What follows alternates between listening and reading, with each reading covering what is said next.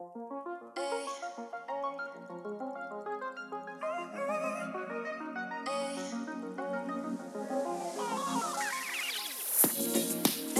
med, med.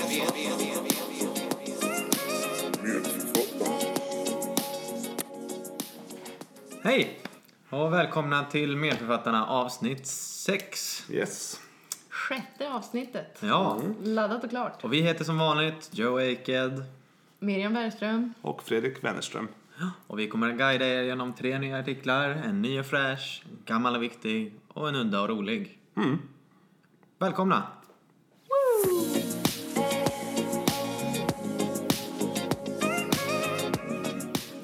Ja, då kör vi igång. Dagens avsnitt ska handla om eh, ett och annat. Men vi börjar väl i någon ände. Vi brukar börja bakifrån va? Så det, Vi börjar med det gamla. Och det är du som är gammal. Nej, Ja. Åh, förlåt. Ja. Hemskt. Eh, jag tar Sant. den. Ja. Jag eh, tänkte ta något gammalt. Och eh, något klassiskt liksom. Eventuellt kanske den mest klassiska artikeln som någonsin har skrivits. Kanske. Medicinens Mozart.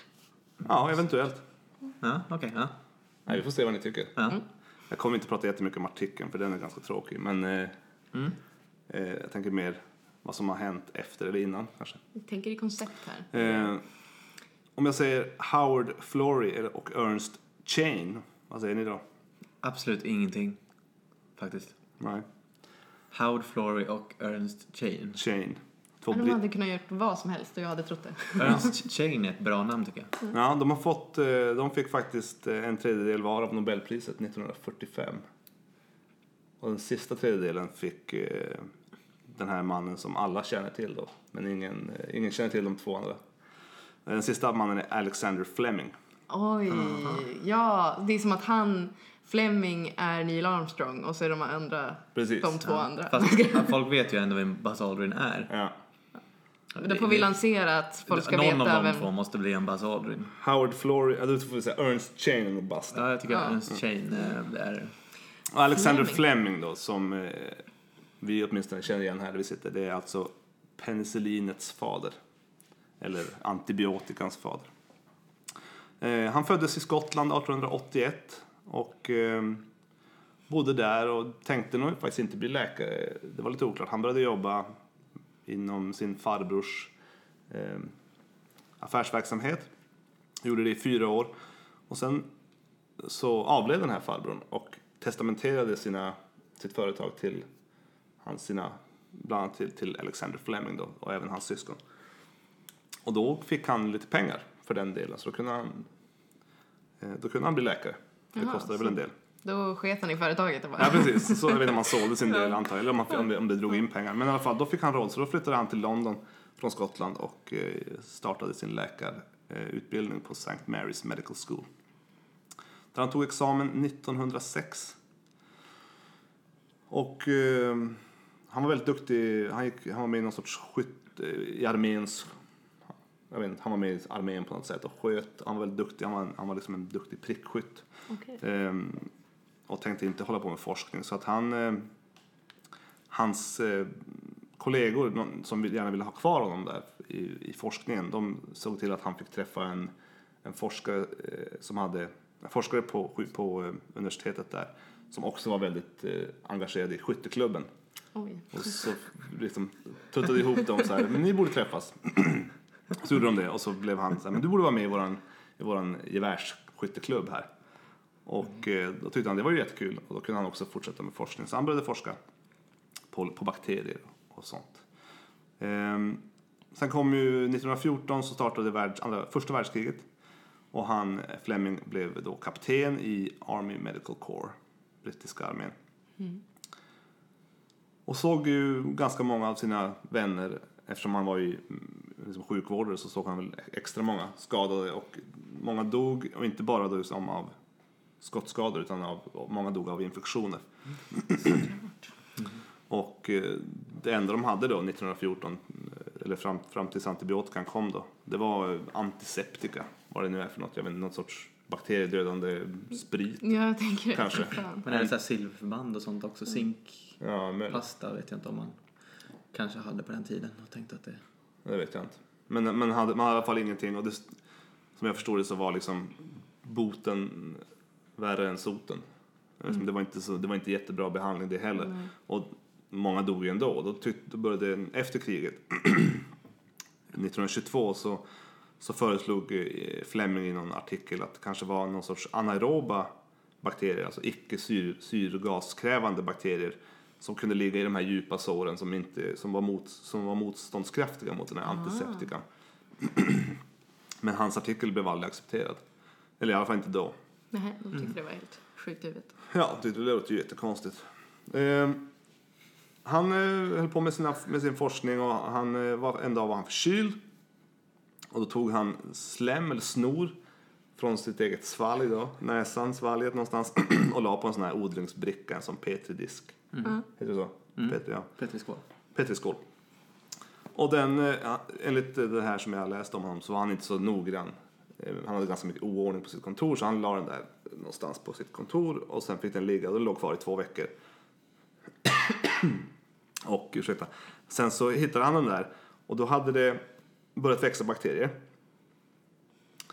Eh, Men runt snoret där så var det, var det inte mycket bakterier alls. En zon utan... Precis, så man kunde säga att snoret, eh, snoret gjorde någonting som gjorde att bakterierna inte ville växa. Och bakterierna hade ju kommit dit på något annat sätt, oklart Ja, just det. Det var inte bakterier från han Nej, själv. nej ja, det kanske det var. Men eh, Men att allra närmast snoret så trivdes närmast de inte. snoret så trivdes de inte. Och han lyckades då isolera det här, vad det var som i, slemmet, snoret, som gjorde att de inte kunde leva och upptäckte något som heter lysos, lysozyme. Lysozyme. Lysosym, Ja. antar jag på svenska. Och han upptäckte att det fanns i tårar, i saliv, i hud, i hår, i naglar och så vidare. Han lyckades sen ta fram det ur äggvita, hönsägg gissar jag, och eh, liksom isolerade det där och, och testade det. Men det funkar bara på, på helt ofarliga bakterier. Så det var kanske hans bakterier. Det funkar bara lokalt också, alltså, tänker jag. Mm. Eh, Så det var ganska värdelöst. vad, är det, vad är det här? Jag kommer att tänka på cold sign. Coldzyme, Ja, ja det är det här eh, antiförkylningsmedlet som säljs. ja. Ehm, Är det någon liknande? Nej, det, det, som jag har förstått det så är det något enzym de har hittat på, om jag kommer ihåg rätt nu, så har de hittat det i hos, i fiskar, om det är någon sorts torsk eller något. Jag tror man, som jag har fattat det, så, så såg man att personer som jobbade med att eh, rensa fisk, typ på Island, Ja. de blev inte förkylda. Och så tänkte man, kan det vara att det finns något enzym här som bryter ner förkylningsvirus? Och så har man då gjort det där Cold sign. Cold Zyme och så har man börjat sälja det svindyrt och det finns ju mycket, mycket oklart om det finns någon, någon som helst. Någon evidens? Nej, jag tror inte heller. Man försökte göra något liknande som det här med mjölkerskorna och kokoppor och smittkoppor. Ja, men det... det är väldigt romantiskt. Ja. eh, väldigt romantiskt Jag har, provat, jag har provat Cold men man är ju ganska villig att prova vad som helst när man är förkyld och vill, absolut inte vill Gjorde du det innan du kom hit? Ja. Nej, det gjorde jag inte. Jag har slutat med det eftersom jag, efter jag har läst eh, evidensen som inte finns. Aj då. Så att det behöver ni inte köpa. Köp inte Cold Zyme så spara era pengar till något annat. Och lysozyme var inte heller så bra då. Nej, Lysozyme var ju bra på ofarliga bakterier. Ja. Ja, så 1928 så höll i, inte Ian Fleming, utan Alexander Fleming. Ian Fleming skrev Bond. Ja, kanske gjorde det samma, samma tid. Eh, han höll på att experimentera på stafylokocker. Som alltså är en grupp eh, ofta sjukdomsskapande bakterier. Och eh, återigen han hade inte så mycket ordning så han ställde väl de här lite överallt. Så ställde han bland annat en sån petriskål, en odling, i fönstret vid sitt, i sitt arbetsrum. Öppet fönster. Och eh, på eh, några veckor där så, så började det växa. Ehm, bakterierna växte och så började det växa mögel. Fresh. först grönt och sen blev det svart mögel. fan. Och, de, hade, de där sporerna, mögelsporerna hade kommit utifrån. Mm. Det var många olika sporer. Och eh, runt vissa av dem där så såg han att, återigen att bakterierna levde inte. Agar, eh, agarvätskan, alltså den här liksom buljongen som, som bakterierna ska växa i, blev alldeles klar och det var inga bakterier där. Runt det här möglet. Så då började han, tänkte han att eh, det finns ju något, han såg liksom att det, först så kom möglet och sen tog det en stund och sen så började det där att hända. Uppklarningen. Ja. Och så han tänkte att det var någon sorts mögeljuice, kallade han det för. Kallar den det för mögeljuice? Ja. Jag önskar att vi fortfarande kallar det för mögeljuice. Precis. Det var Jag vill det. ha 10 milliliter mögeljuice. Det låter ju mer som det är något du kan köpa en, som en shot på en raw food. Ja, precis. Ehm, och ehm, han tittade då vilken av de här som verkar funka och isolerade en, en eh, stam som heter från en, svamp som heter penicillium. penicillium. Så den här penicillium då fick ju namn till hans nya medicin som han då eh, hade upptäckt som han fick heta penicillin. Och han lär ha sagt där eh, senare då att uh, When I woke up on... Nu ska vi se vad han sa. Och han lär ha sagt då när han vaknade där. When I woke up just after dawn on September 28, 1928. I certainly didn't plan to re revolutionize all medicine by discovering the world's first antibiotic or bacteria killer.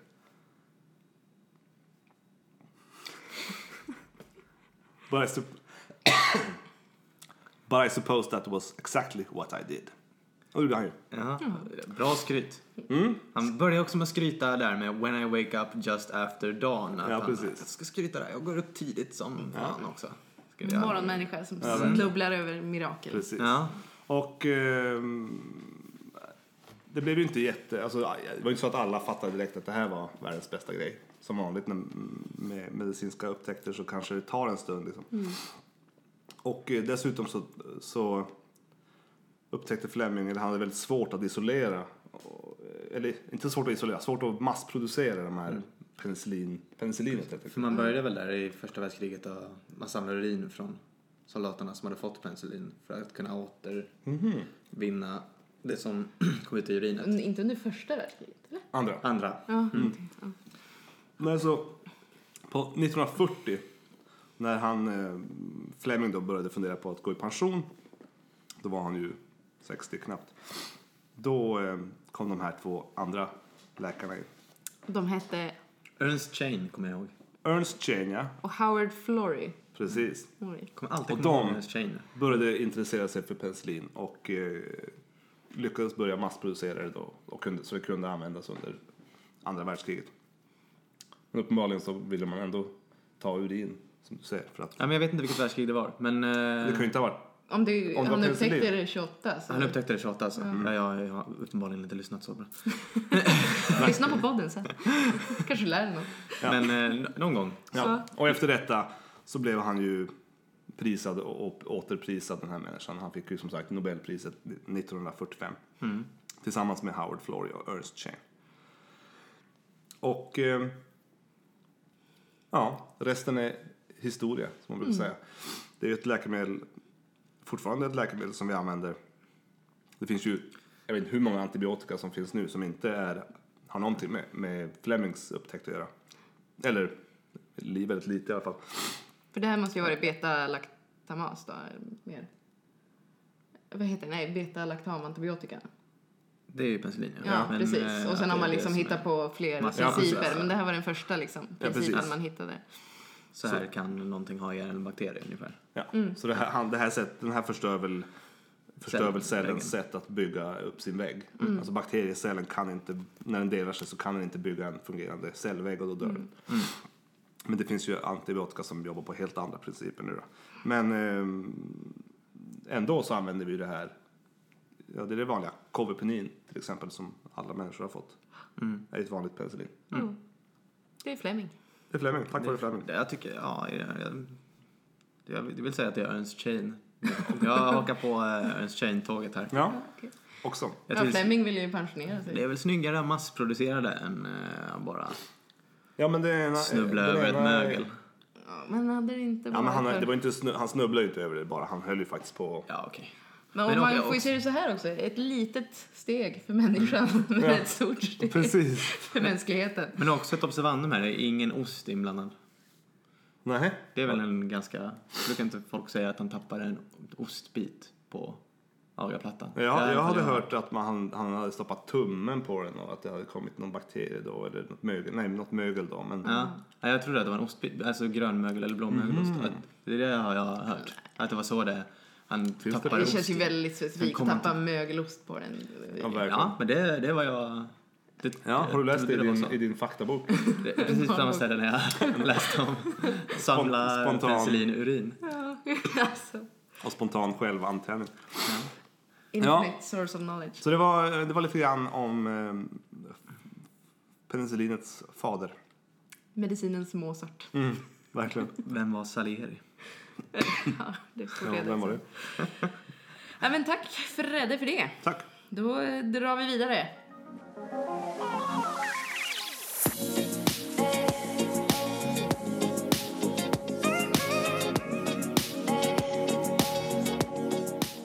Ja, då är vi tillbaks.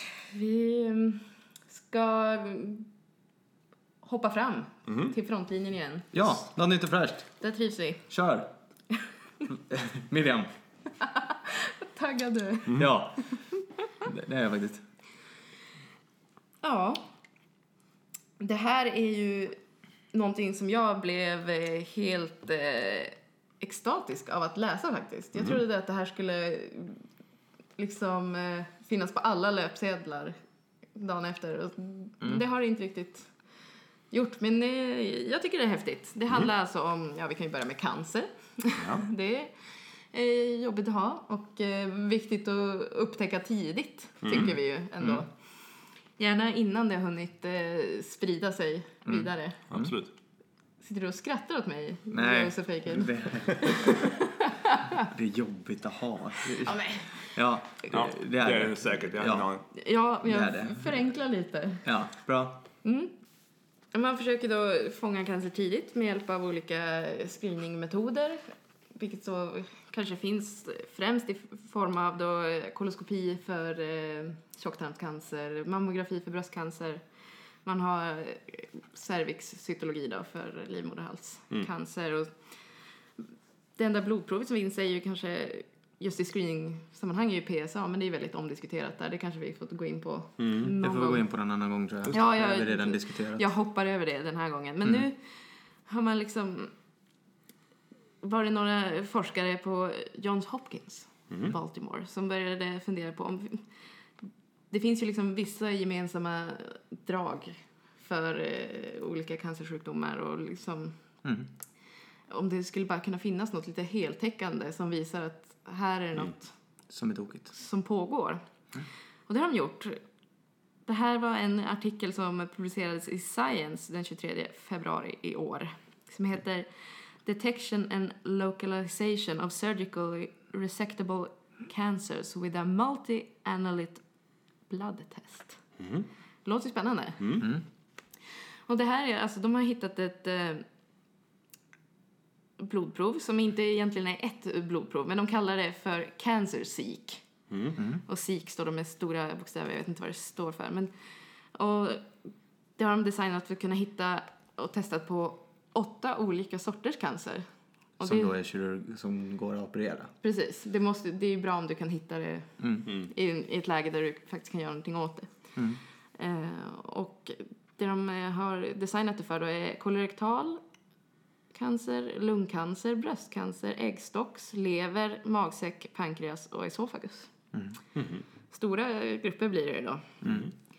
Eh, Och det viktiga när du ska ha ett sånt här eh, mer screeningprov då är att du har en eh, eh, Dels så ska du ju helst ha en hög sensitivitet så att du hittar så många som möjligt men också en det viktigaste kan ju vara en specificitet så att du inte utsätter massa friska människor för onödig oro och eh, Undersökningar. som man undersökningar antagligen går vidare och, med. Precis. Men det här med sensitivitet och specificitet. Ja, igen. Tack. ja, men sensitivitet är väl att du ska eh, hitta alla som är sjuka, som har en sjukdom. Och specificitet är att du inte då ska få falska positiva. Eh, helt Precis. enkelt. Tänkte att Yes, nu har jag lärt mig. Att vi kunde klargöra. Det är alltid lika jobbigt att klargöra det, så jag ville bara utsätta dig för det. Ja, men jag tycker jag klarade det. Ja, med bravur. Alla vetenskapskurser de har tvingat oss att gå har gett någonting i alla fall. eh, och eh, det de har gjort här då, det är att de har försökt kombinera både DNA-analys och proteinmarkörer. Så de har både använt eh, PCR-metod för att kunna hitta, de kollar av för DNA-mutationer på 1933 positioner. Går de igenom och skannar om de kan hitta mutation där. På Så det här är fritt- liksom högriskställen i, i DNA. Att är det någonting Ja. fel här så har det antagligen börjat bli en tumör. Ja, men precis. Här, det är liksom cancerdrivande gen. Och i DNA ifrån vilka celler då? Ja, det, är då, det man tar är då, eftersom man tar ett blodprov så är det då alltså fritt eh, cirkulerande DNA, så vad kallar man det? S- eh, Free cell, eller cell-free DNA. Bara Ja, DNA-strängar som- som flyter runt i Ja, blodet. Ja, ja, precis. jag tänkte Mm. det, cancer i brösten kan ju inte ge någon påverkan på hemoglobinet. Liksom. Nej.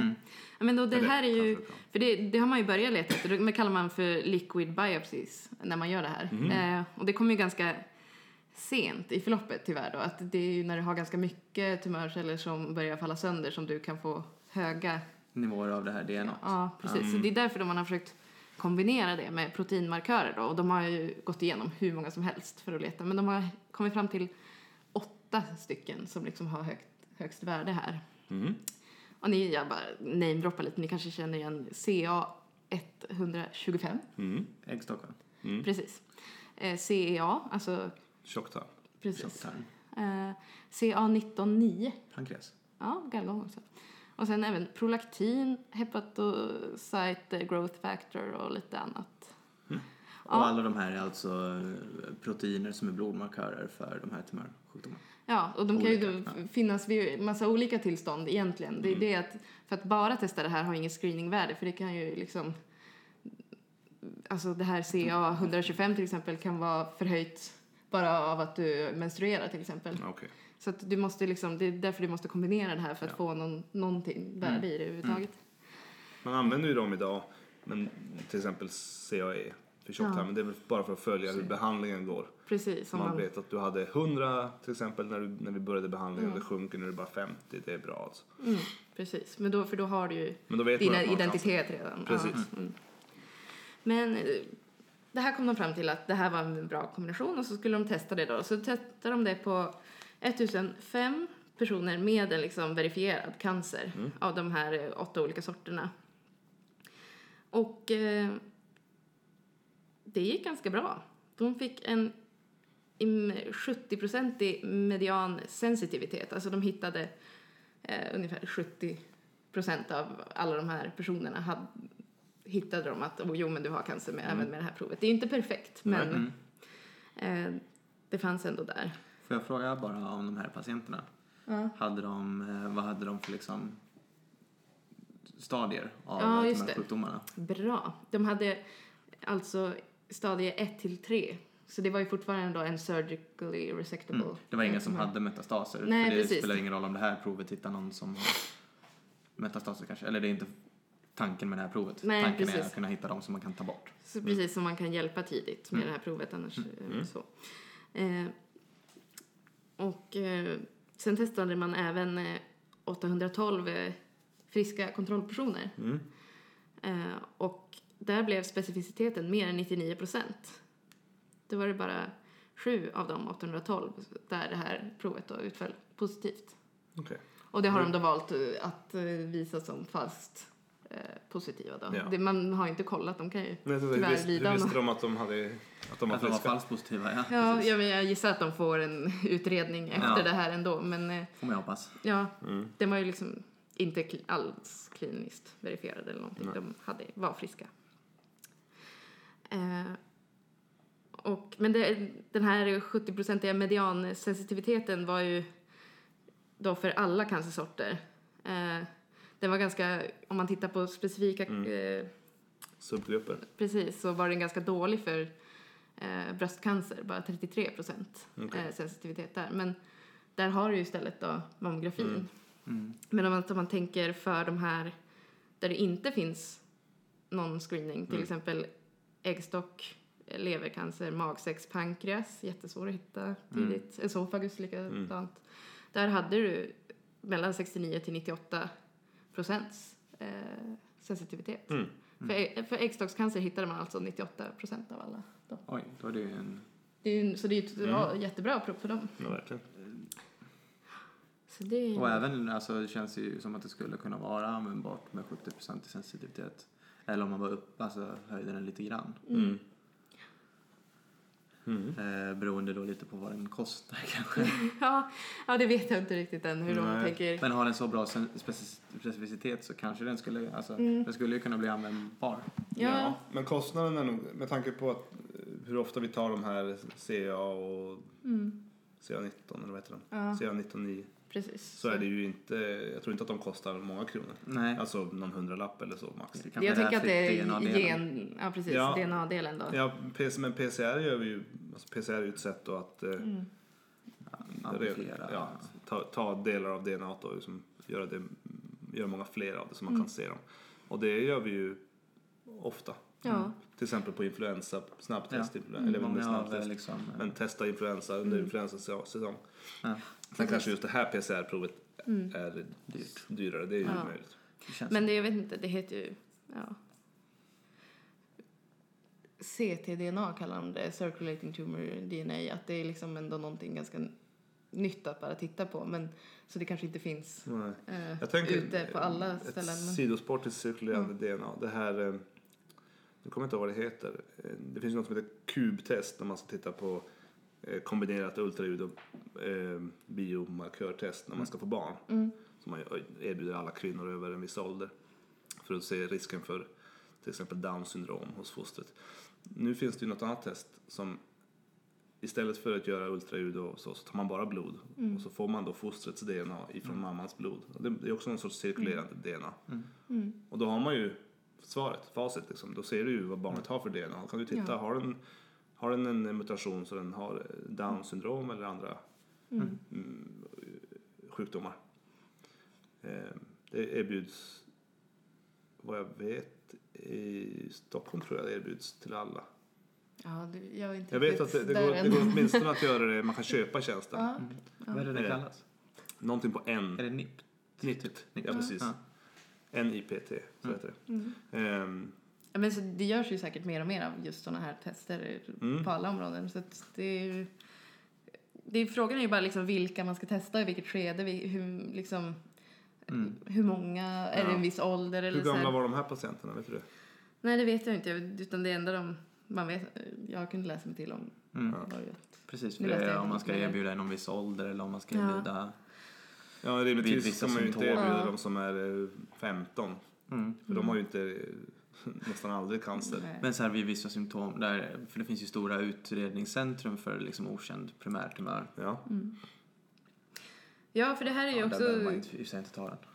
Nej. Men eh, spännande att de försöker ju också hitta eh, liksom lokalisation, att man ska kunna avgöra också bara med liksom ett eh, test då, var det troligtvis eh, har för ursprungsvävnad och vad egentligen då, vad blir liksom naturliga nästa utredningssteg. Mm.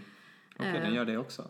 Blodprovet. Ja, de försöker då kombinera liksom vilken, de har försökt lära någon Vilka, dator vilka då. positioner i Precis, vilken DNA-mutation är det, vilken proteinnivå eller liksom markörer Mm. du har i vilken nivå och eh, vilket kön då eh, Ja. personen har kanske.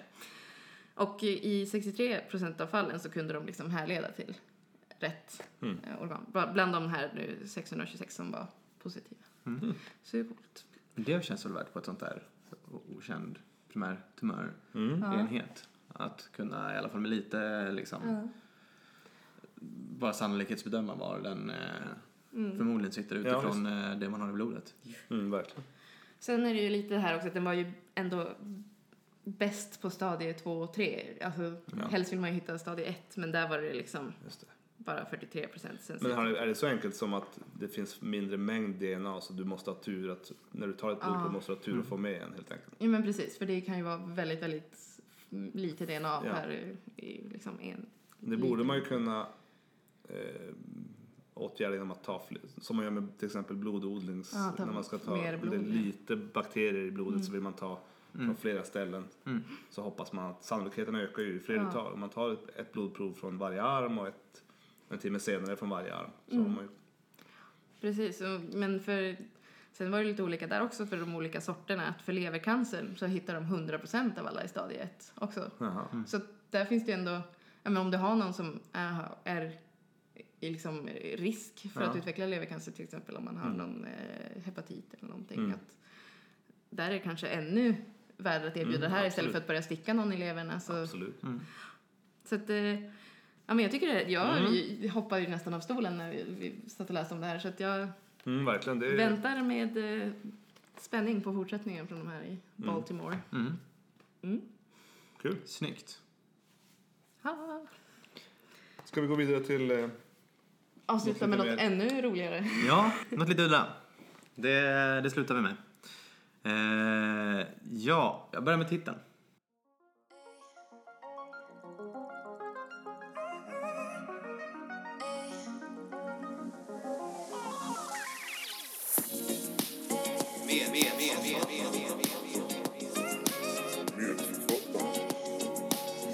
Ja, titeln på den här udda artikeln. Termination of intractable hiccups with digital rectal massage. Okej. Vi hoppar direkt in i det där. Säger allt. Ja. Jag, jag tycker det. Det säger väldigt mycket. Ja, det tycker jag också. Men, eh... Den här publicerades i Journal of Internal Medicine 1990. En gång till. Termination of... Intractable hiccups. Alltså bara att de inte slutar. Ja, okej. With digital rectal massage. Finns det alltså folk som har hicka? Kronisk hicka? Ja, Okej. Aldrig hört. precis. Det är, Jo, men det händer. ja, ja. Känner jag till och med en person som har haft. Mhm. Hur ofta Det hickar är du man? också. Eh, det vet jag inte. Nej. Ja, det har jag faktiskt hört ja, på föreläsningar. Ja, och eh, ja, den publicerades som sagt i Journal of Internal Medicine 1990. Eh, en fallrapport Mm. Eh, om en person, en man, en 60-årig man, eh, som kom in hos den här läkaren eh, med eh, pankreatit. Mm. Inflammation i bukspottkörteln. Han var annars frisk. Eh, och eh, då fick han en sond ner i magen via näsan. Mm. Och, och när den drog så började han hicka. Mm. Och slutade inte hicka. På två dygn. Mhm. Bara hickade och hickade. Är Jobbigt. det, är det en vanlig bieffekt av att dra en Ja. sån? Det Det vet jag inte. inte varit med om. Men... Ehm, och då började de försöka få honom att sluta hicka. Åh, alla de här gamla har- Hur mycket skit har man inte hört? Vad har, ni, vad har ni för tester då? Nej, men man ska svälja en eh, sked med socker, man ska svälja en sked med sylt, man ska dricka baklänges, man ska stå på huvudet och dricka, man ska... Jag har aldrig gjort... Vänta, jag, dricka, dricka baklänges har inte jag förstått. Nej, inte jag heller. Jag fick bara höra det så här när jag var jätteliten. Och de bara, nej, du måste dricka baklänges och det kan inte barn. Så jag var jätteledsen. Nej, för det jag kan nu är jag vuxen, jag kan fortfarande inte. Dricka Nej, baklänges? Ingen aning. Stå på huvudet och dricka vatten jag hört talas om. Och att man ska stänga munnen och försöka svälja och- flera gånger. Mm. Och typ precis när hickan kommer ska man också försöka. Nej, vet jag inte. Och så är det här med såklart klassikern att skrämma bort den. Ja, just det. Eh, och de här försökte då med, eh, han fick svälja en tesked socker. Det har jag aldrig hört. Om. Eh, de försökte peta lite längst bak i svalget med en eh, kateter genom näsan. Ungefär samma sak som den här sonden hade gjort, så det vet jag Men inte. det, var, det ju sva- det är inte svalget hickan uppstår. Det är diafragman, eller? Vad är det? Ja. Det är ju en, eh, man får en konversion i diafragma och den inspiratoriska andningsmuskulaturen. Och diafragman är alltså den stora andningsmuskeln som ligger Och det under här, lungorna. precis, och då, jag tror att det finns något centrum i hjärnstammen som får, som styr det här, som har, får nervtrådar från vagus och från frenicus, alltså som innerverar andningsmuskulaturen. Mm. Den nerven som innerverar de delarna. Och lite från eh, eh, sympatiska gränssträngen. Okej. Men vagus är ganska inblandat tror jag. Ja. Eh, Man kan ju hosta om man stimulerar vagus mm, i örat. mm, Arnolds reflex heter det va? mm. Oj. Och eh, att man petar sig själv, inte sig själv, man ska aldrig peta sig själv i örat. Mm. Under förhållande kan man peta i örat på vagusnerven då. Ja. Eller i Tänk- närheten. Är det, för, tänk, för, föreslår, föreslår du ett nytt sätt att bota hicka här? Ja. Genom att Peta i örat. Ja, en tops i örat. eh, Eller det, en nästan kanske rectal massage. De testade också med, eh, han fick göra Valsalvas manöver, alltså tryckutjämna. Mm. Ehm, Man försökte massera karotis, hans stora blodkärl i, hals, Mm. i halsen. Tryckte på ögongloberna. Det var tydligen också ett sätt att få sluta hicka. Allt det här är ju Vagus. sånt som... Äh, precis, Vagus vagus. Ja, just det. Som är en... eh, Parasympatiska Mm. eh, grenen där. Mm. Eh, och eh, det funkade inte. Han fick Primperan som är ett läkemedel som mot illamående. Ja. Eh, som är anta, antidopaminergt. Mhm. Han fick Diazepam, alltså Stesolid. Mm. Eh, Ångestdämpande. mm, och kramplösande. Ja. Oj, jävlar. de var väldigt eh, oroade med den här hickan. De Eh. gav sig inte. Ja, och fick Haldol. Oj. Eh, alltså antipsykotiskt Ja. läkemedel. Psykogen. Trodde de att han var... Att det var en hicka. psykiatrisk hicka? Ja, Okej. Ehm, ja, och efter, men efter två dagar, de fick inte stopp på hans hicka. Nej. På de här två dagarna när de uppenbarligen han göra allt det här. Ja. Eh, Jag hade ju mer bara så här, ja ja, det går väl över. Ja. Men efter två dagar så, eftersom de var på en kirurgklinik och han hade haft en pankreatit, Ja. så gjordes en rektumundersökning. Ja. Eh, alltså, de undersökte hans eh, ändtarm med fingret. Ja. Och då slutade han hicka direkt. Ja. Och var frisk i några timmar. Men sen började han hicka igen. Ja. Och då gjordes väl det stora beslutet. Att då gjorde de om det här Ja. rektumundersökningen. Och det står Digital rectal massage was attempted. Så de Och började digital massera det är också. alltså Det är fingret, digitalt ja. utan fingret. Så med fingret i ändtarmen så använder de en långsam, kontinuerlig, runtgående rörelse. Ja. Och då slutade hickan och kom aldrig tillbaka. Herregud. Det är sant. Och det här hade rapporterats en gång tidigare. Eh, men den här artikeln var mer lätt tillgänglig och eh, mer beskrivande. Ehm, så det hade redan rapporterats en gång. Mhm. Jag har inte sett att det har rapporterats flera gånger efter det här. Det blev ingen hit direkt. Nej, det, det, det, Det är ju ganska... men det finns två, eh, två fallrapporter här. Ja, det är ju, det är ju helt ofarligt. Mm. Mm. Jag menar visst. Och de har ju den teorin då att eh, eftersom hicka upp, för, förmodas uppstå med någon slags vagus Mm. eh, Påverkan. påverkan. Ja. Mm. Så det är därför man gör de här andra grejerna, tryckutjämnar och Ja. masserar halskärlen och trycker på ögongloberna. Mm. Eh, det är samma tanke bakom Mm. dem. Eh, Och vagus går hela vägen ner och innerverar i... nästan överallt ja. Ja, men går den så långt ner Nej, som där är det till ju, rektum? där är väl andra parasympatiska fibrer från Ja, det längst är i för sig ner sant. i Den går ner till övre ryggmärgen. delen av tarmarna jag för mig. ja. Ja. Så det här, men det kanske blev någon eh, parasympatisk utjämning bara i systemet. Mm. Eller så är det samma princip som att om man skrämmer någon. ja.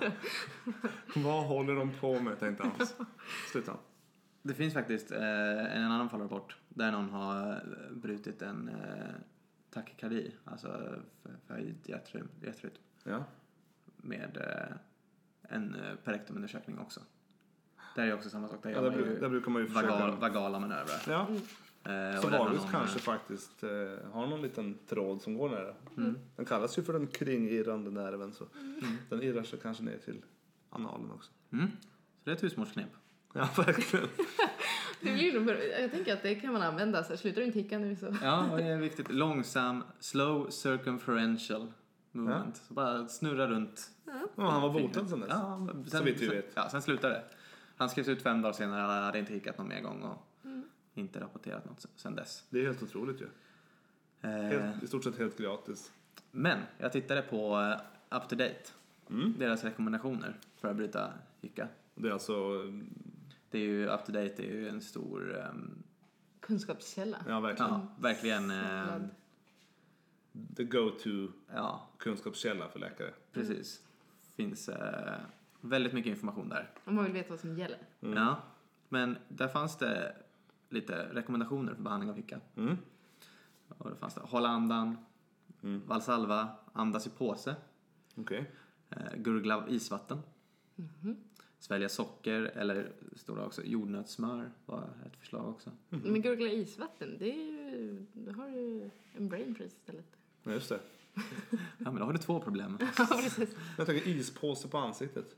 Det är man ju på barn när de har eh, Eh, snabba, ja. snabba hjärtrytmer. Men det, det är... Peta i halsen, Okej. Eh, lite samma sak som med den här Ja. katetern de testade på dem. Dra i tungan. Bit i en citron.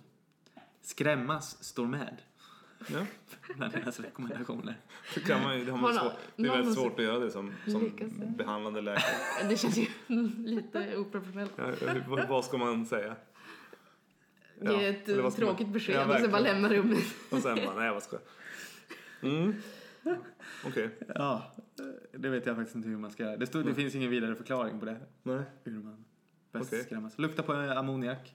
Okej. Lite, något lite stickande. Trycka på ögongloberna med. Eh, och sen massa läkemedel. Antipsykotika står faktiskt med. Jaha. Och kramplösande, muskelrelaxerande. Ja, men kramplösande kan man ju Mm. förstå. Man försöker mm, minska på muskel... Jag tycker Ja. fortfarande man skulle, borde kunna gå på ett finger i rumpan Ja. före man ger? Haldol. Nej! Trots de här två... Ja, nej. Finger i rumpan är inte alls med här. Och jag tänker, jag, det här är, tänker jag måste vara mer underbyggt än vissa av dem som faktiskt finns på den här listan. Ja, bita i en citron. Ja, men Säljas. skrämmas. Det finns väl ingen, det, det är väl ingen som har, gjort, som har skrivit ihop en fallrapport att jag skrämde patienten och då slutade den nicka. Nej men det är ju allmänt känt att det går. Fast, varför är det allmänt nej, jag vet känt? inte, som alla de här andra står Jag på tycker jag aldrig har gjort något som gör att jag slutar hicka. Nej. Det har bara hänt. Nej jag vet inte. Men det, eh, jag, jag vill att de här ska byta plats i alla fall. Skrämmas är jag mest... Eh, Ja. Men eh, jag kommer ju testa, om jag har en patient som har kronisk hicka så ska jag absolut prova allihop. Och inklusive rektalmassage. Mm. Det är ju inget, eh, Ja, har man kronisk hicka så. ja, hellre Alltså- lite rektalmassage. Det är ju som sagt ofarligt. Mm. Hellre finger i rumpan än malignt neuroleptia syndrom. Ja, precis. Det är i alla fall före man går på eh, läkemedel. Ja. Ja, verkligen. Tunga läkemedel. Ja. Ja, Ja, det var... Eh, ja, det var ett, ett husmorsknäpp. Avsnitt Ser ni i eh, Svensk slut. Damtidning nästa vecka. Åh, jag ska skriva in till typ året runt. Det finns ju en liten så här tips och tricks-sida. Ja, vi Har du hicka skriva- som är gått över? Be någon... Vi borde ju skriva till up to date Ja, och fråga om de, om de är medvetna om att de inte är riktigt up to date. uppdatera dem lite om det aktuella evidensläget Ja, från 1990. Ja. Ja. grymt. Tack för idag då. Ja. Ja, följ och gilla och sånt där, det vet ni. Ja, ät med för författarna på alla kända plattformar. Tipsa era vänner, det kanske vi också ska göra snart Ja. igen. ja. Och betygsätt i appen så många stjärnor ni tycker att vi förtjänar. Och eh, lyssna gärna på oss om två veckor igen. Ha det fint. Hej då! Hej.